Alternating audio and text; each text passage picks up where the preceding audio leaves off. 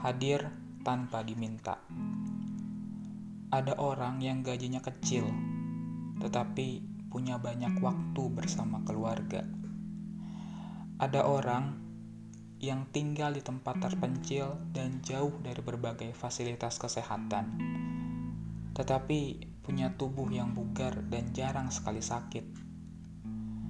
Ada orang yang secara status sosial tidak terpandang, tetapi keluarganya harmonis dan penuh cinta.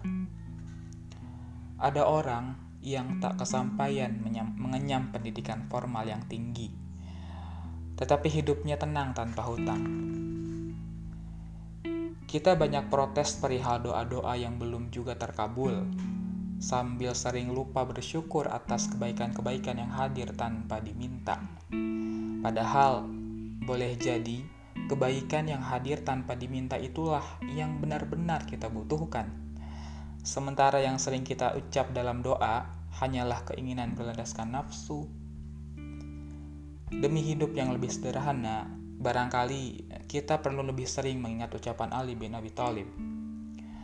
Ali bilang bahwa katanya apabila yang kamu senangi tidak terjadi, maka senangilah apa yang terjadi.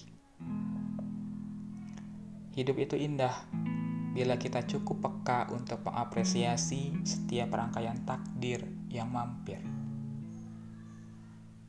thank you